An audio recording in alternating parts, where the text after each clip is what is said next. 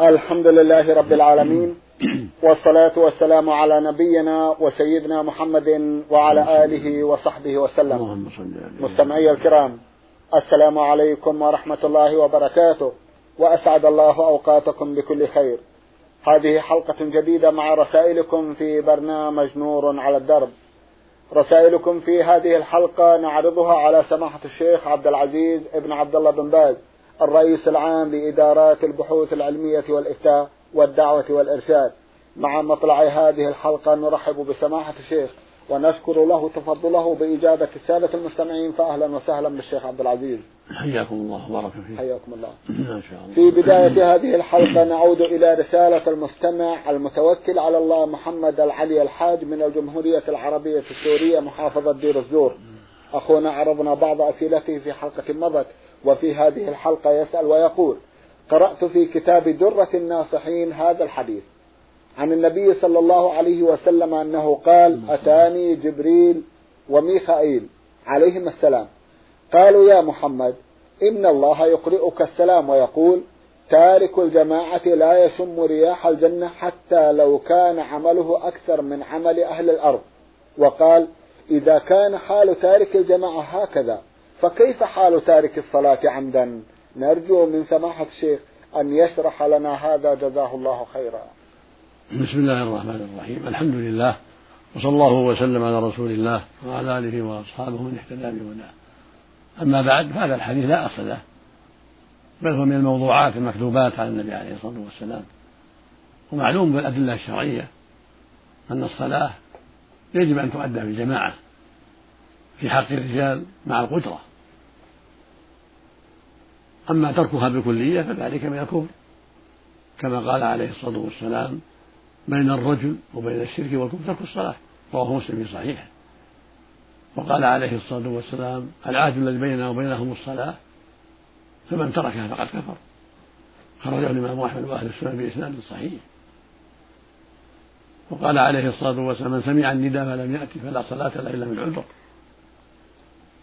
وقال أيضا عليه الصلاة والسلام لسائل الأعمى سأله وقال له إنه ليس لي قائد لائم المسجد فهل لي من رخصة أن أصلي في بيتي؟ فقال عليه الصلاة والسلام هل تسمع النداء بالصلاة؟ قال نعم قال فأجب. فدل ذلك على أنه لا بد من أدائها في الجماعة في حق الرجال مع القدرة.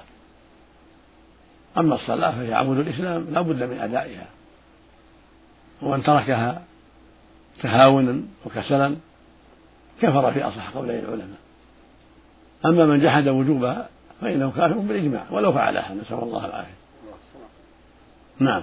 جزاكم الله خيرا. في نفس الكتاب عن عبد الله بن مسعود رضي الله عنه عن النبي صلى الله عليه وسلم أنه قال من صلى مئة ركعة في ليلة النصف من شعبان يقرأ في كل ركعة فاتحة الكتاب والإخلاص خمس مرات. أنزل الله تعالى عليه خمسمائة ألف ملك مع كل ملك دفتر من نور يكتبون ثوابه إلى يوم القيامة. والكتاب ليس فيه اسم هذه الصلاة. نرجو أن يعلنها سماحة الشيخ ويوضح الحقيقة. جزاكم الله خيرا. هذا كذلك قبل أيضا. هذا حديث مكذوب. أن النبي صلى الله عليه وسلم لا أصل ولا صحة له.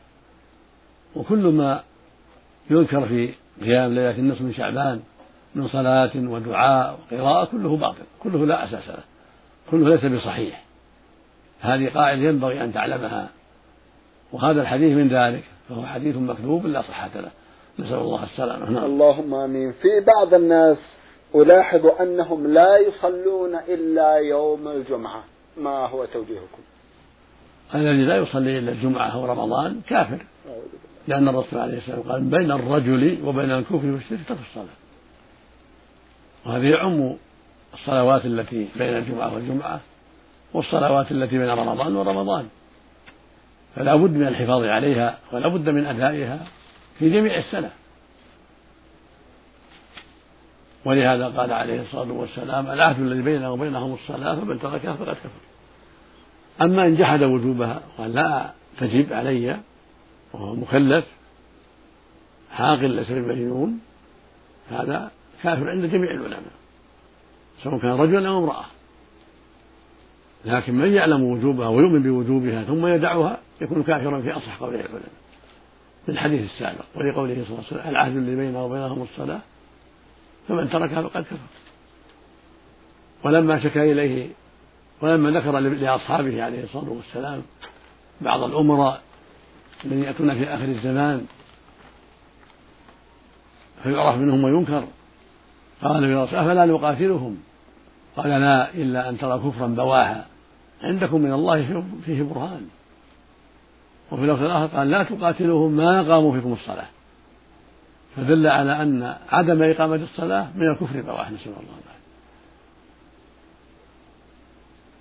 فيجب على كل مؤمن ومؤمنة من المكلفين الحفاظ على الصلاة. ولزومها في أوقاتها والحذر من التخلف عنها وتركها. هذا هو الواجب على جميع المسلمين.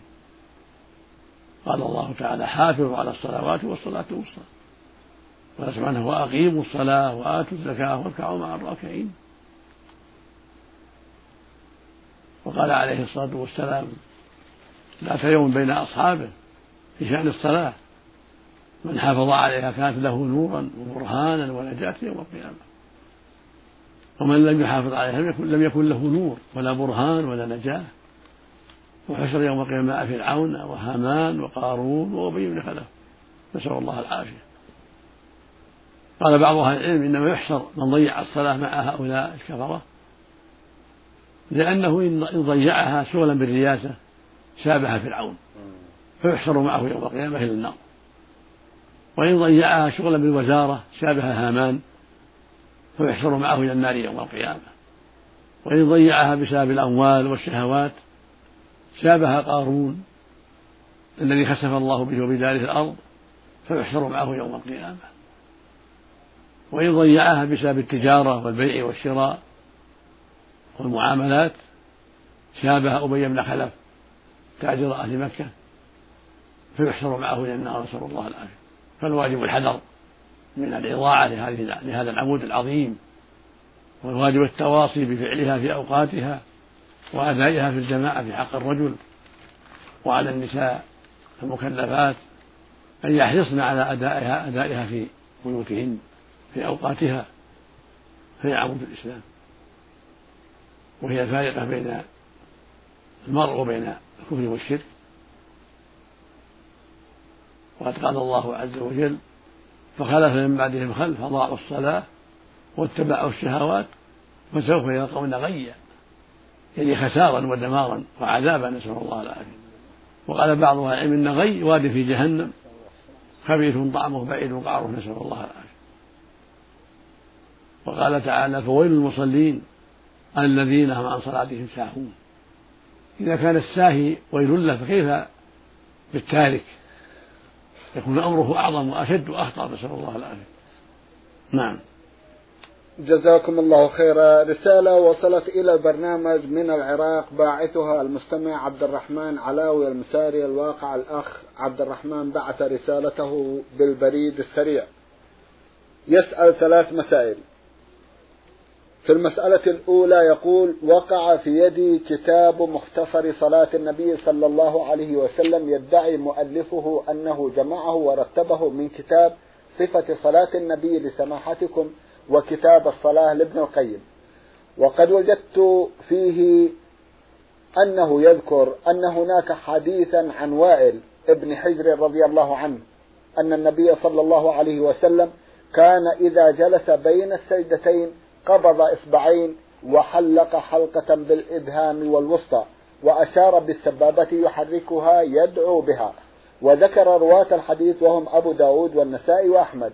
كما أني سمعت في برنامجكم الطيب نور على الدرب أحد العلماء لا أذكر اسمه قد ذكر مسألة التحريك ولكن بدون أدلة نقلية في تحريك السبابة بين السجدتين.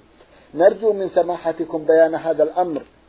من حيث صحة الحديث وتخريجه وما صحة هذه الوضعية وهل هي مقتصرة على التشهد أم توجد أيضا في الجلوس بين السجدتين؟ نرجو بيانها بيانا مبسوطا مأجورين. جزاكم الله خيرا.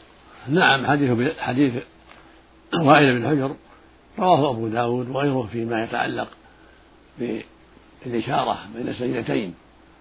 ولكن الذي يظهر من الأدلة الشرعية أنه شاذ وأنه وهم من بعض الرواة وإنما ذلك في التشهد الأخير والأول.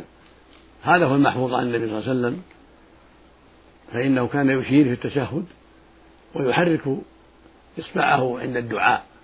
هذا هو المحفوظ عن ابن عمر وغيره في التشهد الأول وفي التشهد الأخير.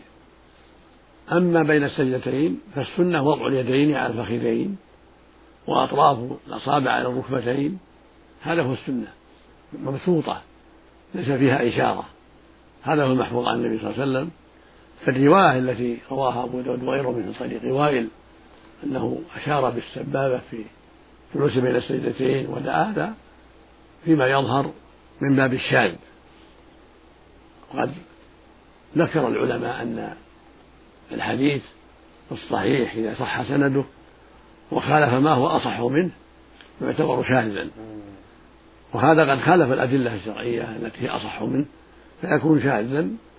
فالسنة بسط اليدين في بين فيما بين السجدتين وبسط الأصابع على الركبتين أو الفخذين ويكفي هذا. أما الإشارة بالسبابة فهذا بالتشهدين الأول والثاني في جميع الصلوات. نعم. جزاكم الله خيرا. مسألة وضع اليمين على الشمال بعد الركوع. نرجو من سماحتكم إدراج أدلة هذا وبسط الكلام فيه بسطا وافيا وكلام أئمة العلماء في هذه المسألة. وهل لمن يدعي أن هذا الأمر بدعة وضلالة من حجة يتمسك بها في إرسال اليدين أم أنه يحتج بعادة الناس مع علمنا أن العبادة توقيفية؟ وهل إذا كان الإمام يرسل يديه بعد الركوع فهل علي أن أرسلها اقتداء ومتابعة للإمام أم أستمر في وضع اليمين على الشمال؟ أفتونا مأجورين. قد دلت الأحاديث الصحيحة عن النبي صلى الله عليه وسلم أنه كان في حال القيام يقبض شماله بيمينه ويضع كفه اليمنى على كفه اليسرى والرسل والساعد ثبت هذا من حديث وائل وثبت معناه من حديث سهل عند البخاري سهل بن سعد. وجاء أيضا من حديث قبيصة بن ذنوب عن أبيه وجاء من مرسل طاووس عن النبي عليه الصلاة والسلام فالصواب أن اليمين توضع على الشمال في حال القيام قبل الركوع وبعده. وليس هناك تفصيل في الأحاديث عن النبي صلى الله عليه وسلم. ولا نعلم أحدا ذكر عن النبي صلى الله عليه وسلم أنه أرسل يديه في الصلاة بعد الركوع ولا عن الصحابة رضي الله عنهم وأرضاهم. فالأصل في هذا هو الضم كما يضم قبل الركوع هكذا في القيام بعد الركوع. ومن زعم أن أنه يرسلهما بعد الركوع فعليه الدليل. ومن قال إن ضمهما بدعة بعد الركوع فقد غلط. وذكر بعض أهل العلم أنه مخير إن شاء أرسلهما وإن شاء ضمهما بعد الركوع في حال القيام.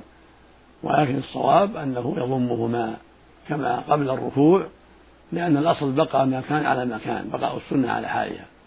وقد قال وائل رضي الله عنه رأيت النبي صلى الله عليه وسلم إذا كان قائما في الصلاة يضع يده اليمنى على يده اليسرى ولا قائما في الصلاة يعني يشمل ما بين ما بعد الركوع وما قبل الركوع قائمة في الصلاة. وهذا يشمل القيامين نعم. قبل الركوع وبين الركوع. وهكذا قول قول سهل بن سعد رضي الله عنه كان الرجل يؤمر على عهد النبي صلى الله عليه وسلم أن يضع اليمنى على على كفه اليسرى ويضع اليمنى على ذراعه اليسرى في الصلاة. قال أبو حازم الراوي له عن سهل لا أعلمه إلا ينمي ذلك إلى النبي صلى الله عليه وسلم. فهذا يدل على أنه في حال القيام يضع يمينه على ذراعه اليسرى. وهذا يحتمل أن المراد ما قاله وائل وأنه يضع يمينه على كفه اليسرى وأطراف الأصابع على الساعد فعبر عن الساعد بذراعه اليسرى ويحتمل أنه في بعض الأحيان يضعها على كفه وفي بعض الأحيان على ذراعه اليسرى. أما إلقاء إرسال اليدين فلم يثبت عنه يثبت عنه عليه الصلاة والسلام. لا قبل الركوع ولا بعد الركوع. والعبادة توقيفية ليس لأحد يثبتها بمجرد الرأي والاجتهاد. والأصل بقاء ما كان على ما كان فما دام يقبضهما قبل الركوع فالأصل بقاء ذلك في قيامه بعد الركوع كما قال وائل رأيت النبي صلى الله عليه وسلم إذا كان قائما في الصلاة يضع يمينه على شماله يعني كفه اليمنى على كفه اليسرى. فهذا هو الذي كتبنا في صلاة النبي صلى الله عليه وسلم وهو الذي نعتقده وهو الذي دلت عليه الأحاديث فيما نعتقد ونسأل الله للجميع التوفيق اللهم أمين جزاكم الله خيرا. المسألة الثالثة والأخيرة التي يود مناقشتها صاحب هذه الرسالة يقول حول قراءة الفاتحة للمأموم في الصلاة الجهرية، هل هي واجبة أم لا؟ وهل إذا سكت الإمام بعد قراءة الفاتحة يقرأ المأمومون؟ وإذا لم يسكت هل عليهم الاستماع ومن القراءة؟ وعلى حسب علمي أن السكتة بعد الفاتحة قصيرة جدا لا تسع أن يقرأ المأمومون فيها بالفاتحة. فهل إذا أطالها الإمام لكي يقرأوا فهل هذه بدعة أم لا؟ افتونا جزاكم الله خيرا. القراءة في حق المأموم يعني قراءة الفاتحة تنازع العلماء فيها. فأكثر أهل العلم يقولون أنها سنة في حق المأموم لا واجبة. وقال آخرون من أهل العلم إنها واجبة. كالشافعي رحمه الله والبخاري وجماعة. وهذا القول هو الصواب لظاهر الأدلة. ومنها قوله صلى الله عليه وسلم لا صلاة لمن لم يقرأ بفاتحة الكتاب. متفق عليه. ومنها قوله صلى الله عليه وسلم لعلكم تقرؤون خلف الإمام قلنا نعم قال لا تفعلوا لا تفعلوا إلا بفاتحة الكتاب. فإنه لا صلاة لمن لم يقرأ بها. خرجه الإمام أحمد وجماعة في إسناد جيد. فهذا الحديث صريح في أنها تجب على لعلكم تقرؤون. خلف إمامكم قلنا نعم. قال لا تفعلوا إلا بفاتحة الكتاب فإنه لا صلاة لمن لم يقرأ بها. هذا صريح في أنها تجب على المأموم لكن وجوبها عليه أخف من الإمام والمنفرد. ولهذا لو أدرك الإمام في الركوع أجزأه الركوع وأجزأته الركعة وسقطت عنه الفاتحة لفوات القيام. ومثل ذلك لو سهى عنها أو تركها تقليدا أو اجتهادا فإنها تسقط عنه. من أجل شبهة الاجتهاد والتقليد أو النسيان. كما تسقط عنه إذا لم يدرك القيام وإنما أدرك الركوع في أصح قولي العلماء كما قاله الجمهور رحمهم الله. نعم. جزاكم الله خيرا. المستمع عبد الخالق العمري أو العمري من مدرسة الإمام السيوطي من أملج بعث برسالة يقول فيها لقد قرأت في أحد الكتب أنه حسب القراءات السبع يجوز تغيير اللفظ مثل قوله تعالى كالعهن المنفوش أنه يجوز أن نقرأها كالصوف المنفوش وأيضا قوله تعالى في جيدها حبل من مسد أنه يجوز لنا أن نقرأها في عنقها حبل من مسد. أفيدونا؟ أفادكم الله؟ هل ورد عن رسول الله صلى الله عليه وسلم شيء من ذلك؟ الواجب على المسلمين الآن التقيد بما في المصحف الشريف وما رسمه الصحابة في وقت عثمان رضي الله عنه. هذا هو الواجب. وأن لا يقرأ بخلاف ذلك لما فيه من التشويش والخلاف وأسباب الفرقة. أما قوله صلى الله عليه وسلم إن القرآن نزل على سبعة أحرف فاقرأوا ما تيسر من ذلك فهذا عند العلماء يبين أن الله جل وعلا وسع لعباده في ذلك.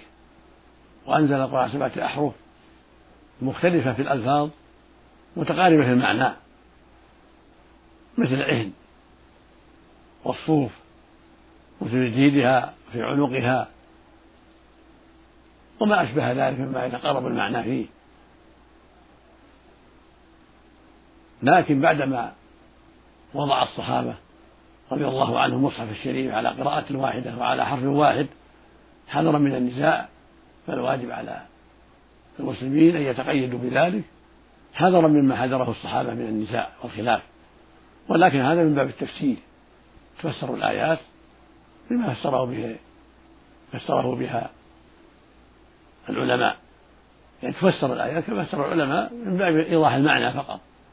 أما القراءة فلا تغير يقرأ المؤمن كما رسم في المصحف. وإذا أراد أن يبين للناس المعاني بين لهم المعاني على ما ذكر أهل التفسير من جهة اللغة ومن جهة الأحاديث. فالقرآن الكريم يوضح للناس معناه بالأدلة من الكتاب والسنة ولغات العرب. لكن القراءة توقيفية لا يقرأ إلا كما رسم في المصحف حتى لا يقع ما حذره الصحابة وخافه الصحابة من النزاع والفرقة والاختلاف. والله المستعان. نعم. الله المستعان جزاكم الله خيرا. له سؤال حول القراءات. يقول نرجو أن تتفضلوا بإعطائنا نبذة مختصرة عن القراءات السبع. القراءات السبع معلومة عند أهل العلم وهكذا القراءات العشر. القراء والقراء معروفون. وفي إمكانك أن تراجع كتاب الشاطبي حتى تعرف معنى هذه القراءات وتعرف أيضا ما قيل في القراءات الثلاث التي هي تكمل العشر. مما كتب فيها. وهذه قراءات تختلف في بعض الحروف في إدغام وفي إظهار وفي رفع وفي نصب وفي مد وفي عدم مد لكنها ترجع إلى المصحف الشريف الذي رسمه عثمان والصحابة. إلا أنها تختلف في بعض الأشياء اليسيرة مثل فأزلهما فأزالهما الشيطان مثل نزاعة للشهوى نزاعة للشهوى في الرفع. وما أشبه ذلك. هذه ترجع إلى قواعد اللغة. فاختلاف القراء فيها على حسب ما رووا عن مشايخهم عن الصحابة رضي الله عنهم وأرضاهم. هو اختلاف يسير لا يضر بالقراءة ولا يخل بالقراءة من جهة المعنى. ولكن يجب على القارئ أن يلتزم بما رسم في المصحف حتى لا يقع النزاع والاختلاف بين القراء في بلده. فإذا كان في بلده على قراءة حفص يقرأ بقراءة حفص. وإذا كان في بلده على قراءة آخرين كورش وغيره يقرأ بقراءته في بلده التي يعيش فيها بين أهلها حتى لا يقع بينه وبينهم النزاع والاختلاف. والشريعة تمنع من أسباب الاختلاف وتحض على أسباب الائتلاف والاجتماع. نسأل الله للجميع الهداية. نعم. اللهم آمين. جزاكم الله خيرا. هذه رسالة بعث بها المستمع عبد الله عبد اللطيف من ليبيا. يسأل فيها عددا من الأسئلة في سؤاله الأول يقول ما حكم الشرع في أن يخطب رجل مسلم على خطبة رجل تارك للصلاة كافر؟ لا حرج في ذلك لأن خطبة الكافر لا, لا تصح ولا تجوز ولا يجوز قبولها في حق المسلمة. فهي خطبة يجب اطراحها والحذر منها. وعدم قبولها. فإذا علم يقينا أن الخاطب كافر والمخطوبة مسلمة فله أن يخطب على خطبته. إذا لم إذا لم يتيسر نصيحته لعله يتوب ويرجع إلى الحق ويدع ما كان يفعل من ترك الصلاة. فالحاصل أن ما دام على هذه الحال فكونه يخطب على خطبته لأنه مسلم وهو كافر فهذا من باب الإصلاح ومن باب الإحسان إلى المخطوبة. نعم. جزاكم الله خيرا. هناك بعض المواد الغذائية المستوردة من الخارج تحتوي على مركبات حيوانية مذبوحة في بلد غير مسلم. ما حكم هذه المواد؟ هذا يختلف إذا كانت من بلاد اليهود والنصارى وقد أحل الله لنا ذبيحتهم إلا أن تعرف أنهم ذبحوا على غير الشرع فلا تأكلها ولا تشتريها. وما دمت لا تعرف الأصل الإباحة. لكن بسبب وجود مجازر كثيرة تذبح على غير الشرع يكون من باب الورع. ترك ترك ما ورد من ذلك. عملا بقوله صلى الله عليه وسلم دع ما يعيبك كل ما لا يعيبك. من اتقى الشبهات فقد استورى الذين معرضه إذا تركت هذه اللحوم المستوردة واجتهدت في واجتهدت في شراء لحوم معلوم حلها هذا هو الخير لك والأفضل لك في بلادك وفي غير بلادك. أما ما يستورد من بلاد الشيوعيين أو الوثنيين فهذا لا يجوز أكله لأن ذبائحه محرمة إلا أن تعلم أن الذي ذبح ذلك مسلم متقيد بالشرع وإلا فالواجب عدم أكل الذبائح التي تستورد من البلاد الشيوعية أو البلاد الوثنية أو نحوها من البلاد الكافرة غير بلاد اليهود والنصارى.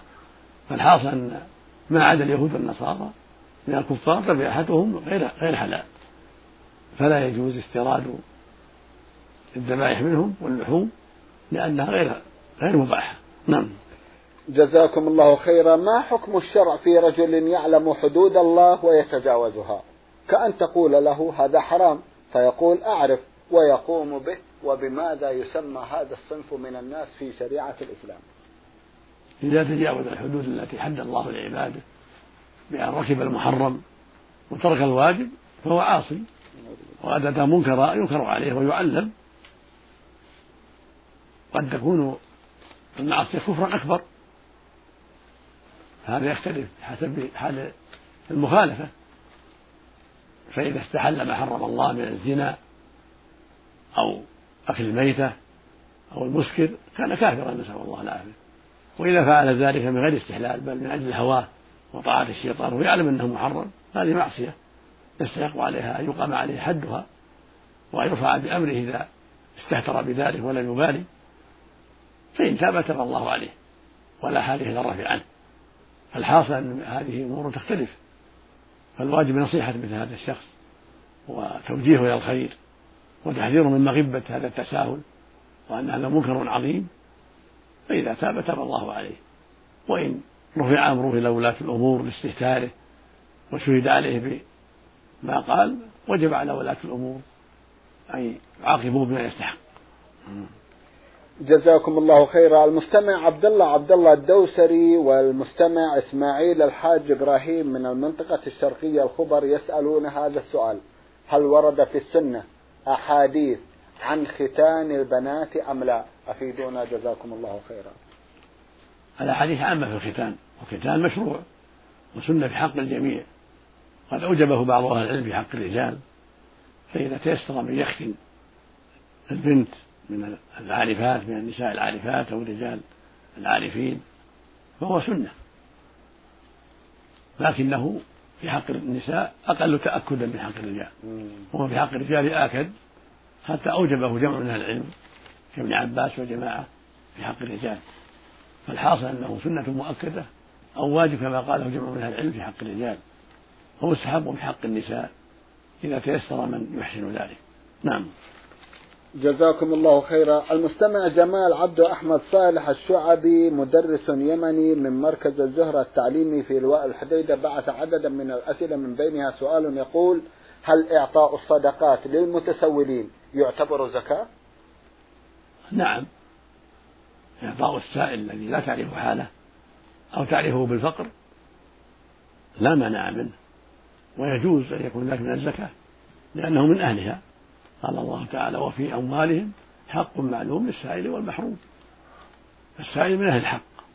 إلا إذا عرفت أنه غني فإنك تنصحه وتحثه على التعفف وتخبره أن سؤاله لا يجوز ولا يجوز أن تعطيه من الزكاة لأنه لا يستحقها.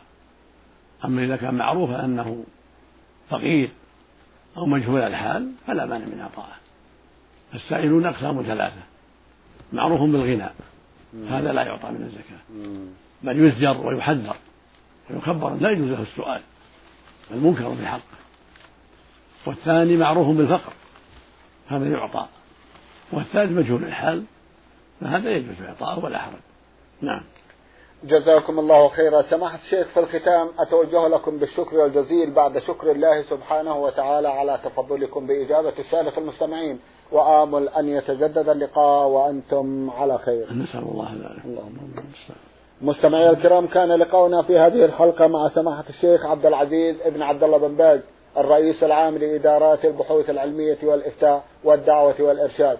شكرا لمتابعتكم وإلى الملتقى وسلام الله عليكم ورحمته وبركاته.